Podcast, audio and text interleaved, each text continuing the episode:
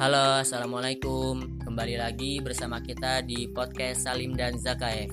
Insya Allah di episode kali ini kita akan sedikit membahas tentang kelahiran Rasulullah Shallallahu Alaihi Wasallam hingga sebelum nubuah.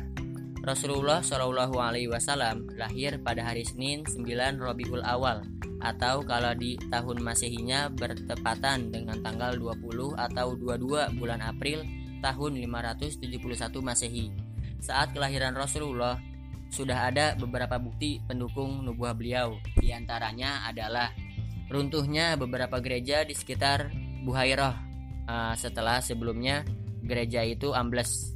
Terus ada runtuhnya 10 balkon istana Kisra dan padamnya api yang biasa disembah sama orang-orang Majusi. Setelah melahirkan Rasulullah, ibunda Rasulullah Siti Aminah pernah berkata, setelah bayiku keluar, aku melihat ada cahaya yang keluar dari kemaluanku menyinari istana-istana di Syam. Adapun yang memberikan nama Muhammad adalah sang kakek Abdul Muthalib. Yang Muhammad sendiri itu berarti artinya terpuji. Saat itu eh, di kalangan bangsa Arab belum ada yang pernah memberikan nama Muhammad kepada anak-anaknya. Lalu wanita pertama yang menyusui beliau setelah ibundanya adalah Suwaibah, hamba sahaya Abu Lahab, yang juga pernah menyusui Hamzah bin Abdul Muthalib.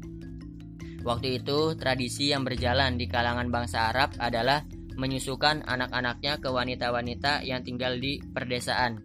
Supaya apa? Supaya agar anak-anak mereka terhindar dari penyakit yang biasa menular di kota atau di daerah yang sudah maju. Waktu itu jadi Mekah dianggap uh, udah relatif maju. Terus supaya anak-anak mereka menjadi kuat dan bisa berbahasa Arab fasih dan terjaga lisannya. Rasulullah disusui oleh uh, seorang wanita dari kalangan Bani Sa'ad bin Bakar.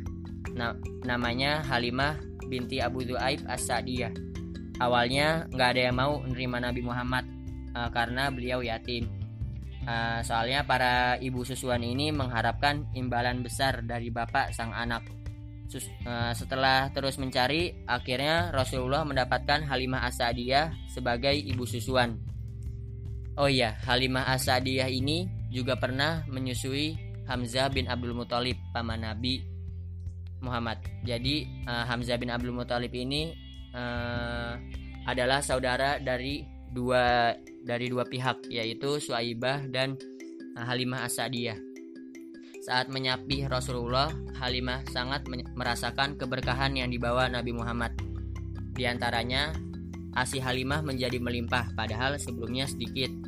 Terus saat perjalanan pulang dari Mekah, eh, keledai betina yang ditunggangi oleh Halimah bersama Rasulullah mendadak menjadi kuat. Padahal ketika berangkat, keledai itu lemah Terus onta tua yang dimiliki oleh Halimah dan suaminya menjadi banyak susunya. Ada satu lagi, domba-domba Halimah gemuk dan banyak susunya. Padahal Bani Sa'ad saat itu terkenal dengan perkampungan yang tandus. Nabi Muhammad tumbuh dengan baik di tengah-tengah Bani Sa'ad hingga uh, ketika Nabi berumur uh, 4 atau 5 tahun terjadi peristiwa pembelahan dada beliau oleh malaikat Jibril. Uh, ketika itu anak-anak kecil di sekitar Muhammad berteriak, uh, Muhammadlah dibunuh, Muhammadlah dibunuh. Uh, kar uh, karena Halimah khawatir Halim akan keselamatan Nabi Muhammad ke depannya, Halimah mengembalikan uh, Nabi Muhammad ke pangkuan ibundanya Siti Aminah. Seperti yang udah dijelasin di episode sebelumnya, ketika waktu itu Aminah ingin ziarah ke makam suaminya di Madinah bersama Muhammad SAW dan Ummu Aiman, pembantu wanitanya. Setelah sebulan menetap di Madinah, Aminah bersama rombongannya pulang ke Mekah. Nah, pas perjalanan pulang, Aminah jatuh sakit lalu wafat di Abwa, suatu daerah antara Mekah dan Madinah. Setelah ibundanya wafat, Nabi Muhammad diasuh oleh kakeknya Abdul Muthalib. Abdul Muthalib ini sangat sayang kepada Nabi Muhammad, melebihi sayang Abdul Muthalib kepada uh, anak-anaknya. Nah, sampai suatu, uh, suatu saat Rasulullah umur 8 tahun, Abdul Muthalib wafat di Mekah. Nah, Pak, sebelum wafat ini Abdul Muthalib pernah uh, berwasiat ke Abu Talib pamannya untuk mengasuh Nabi Muhammad yang ketika itu masih kecil. Lanjut Pi. Oke Bu, aneh lanjutin.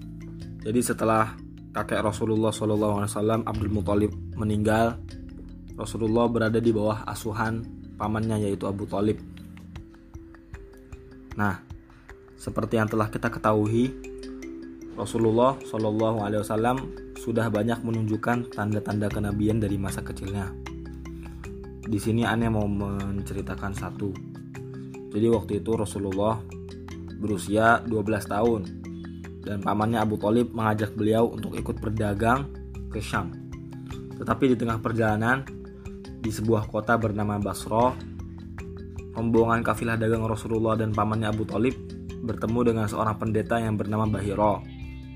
Nah, Bahiro ini terkenal sebagai pendeta yang paham dan banyak mengetahui tentang Injil dan ahli tentang masalah kekristenan. Dan Bahira kemudian mengamati Nabi Muhammad dan langsung bertanya kepada Abu Talib. Wahai, wahai saudaraku misalnya gitu ya, gitulah. Apa status anak ini? Anak ini tuh siapanya kamu gitu. Kemudian Abu Talib menjawab, ini anakku.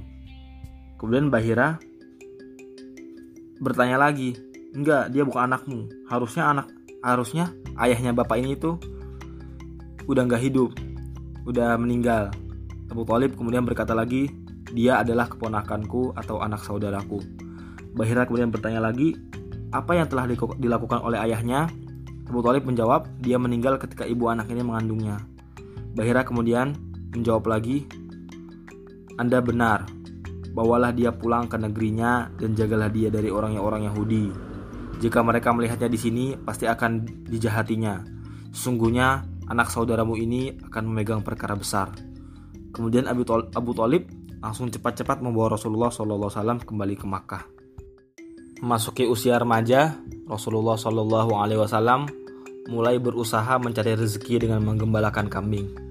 Rasulullah sendiri juga pernah bertutur tentang dirinya, Aku dulu menggembalakan kambing penduduk Makkah dengan upah beberapa kirot. Selama masa mudanya, Allah Subhanahu wa taala telah memelihara beliau dari segala macam hal-hal yang biasa dilakukan pemuda susahnya seperti berhura-hura, dan permainan-permainan nista lainnya. Rasulullah SAW pun pernah dibuat Allah Subhanahu Wa Taala tertidur ketika beliau hampir saja mendatangi sebuah pesta yang dilakukan oleh pemuda-pemuda Makkah. Kemudian terjadilah perang Fijar ketika Rasulullah SAW berusia 15 tahun atau 20 tahun. Di sini terjadi perbedaan pendapat di kalangan para ulama sejarah. Nah, yaitu perang Fijar. Perang Fijar tuh apa? Perang Fijar itu adalah perang yang terjadi antara Bani Kinana dan Qais bin Aslan. Sebenarnya Quraisy tidak terlibat secara langsung, tapi Quraisy suku Quraisy sukunya Rasulullah SAW memihak kepada pihak Kinana dan akhirnya ikut membantu perangan. Kenapa dinamakan perang Fijar? Karena perang ini terjadi di bulan-bulan haram, yaitu melanggar kerobotan tanah haram karena perangnya di Makkah dan juga melanggar kehormatan bulan-bulan haram seperti bulan Dzulqa'dah, Dzulhijjah, Muharram dan Rajab. Perang tersebut diikuti Rasulullah SAW. Beliau membantu persiapan anak panah untuk pemain-pemain beliau yang ikut berperang. Tetapi perlu ditandai di bawah bahwasannya perang ini berasal dari riwayat yang kurang sahih. Kenapa seperti itu? Karena seperti yang kita ketahui, perang ini saja dilakukan di bulan-bulan haram. Jadi mana mungkin Rasulullah SAW melanggar apa yang Allah Subhanahu Wa Taala benci gitu. Oke lanjut. Kemudian ada juga kejadian Hifdul Fudul Hilful Fudul Nah, Hilful Fudul adalah sebuah persekutuan para pemuka di Makkah termasuk Nabi Muhammad sendiri yang waktu itu masih muda. Nah, latar belakangnya adalah suku Quraisy sering kali terlibat dalam konflik berkepanjangan. Banyak dari para pemuka Quraisy yang telah melakukan perjalanan keluar wilayah Arab. Nah, di sana mereka mereka melihat iklim yang relatif lebih aman dan tenang dibandingkan dengan di Jazirah Arab. Nah, kaum Quraisy menyadari dengan kepergiannya ini wibawa Makkah jatuh disebabkan ketidakmampuan mereka untuk menyelesaikan perselisihan dan terbentuknya banyak fraksi. Kemudian juga ada sebuah insiden dikisahkan bahwasannya ada seorang pedagang dari Yaman yang melakukan transaksi jual beli dengan seorang uh, apa namanya orang yang terpandang di kalangan suku Quraisy yaitu As bin Wa'il As-Sahmi. Nah, si As ini tapi nggak mau bayar. Jadi dia cuma ngambil barangnya kemudian lari. Nah, ini jelas uh, tidak memiliki apa ya? etika gitu. Jadi menurunkan wibawa orang Arab akhirnya pedagang tersebut uh, meminta keadilan kepada pemuka-pemuka Quraisy yang lain.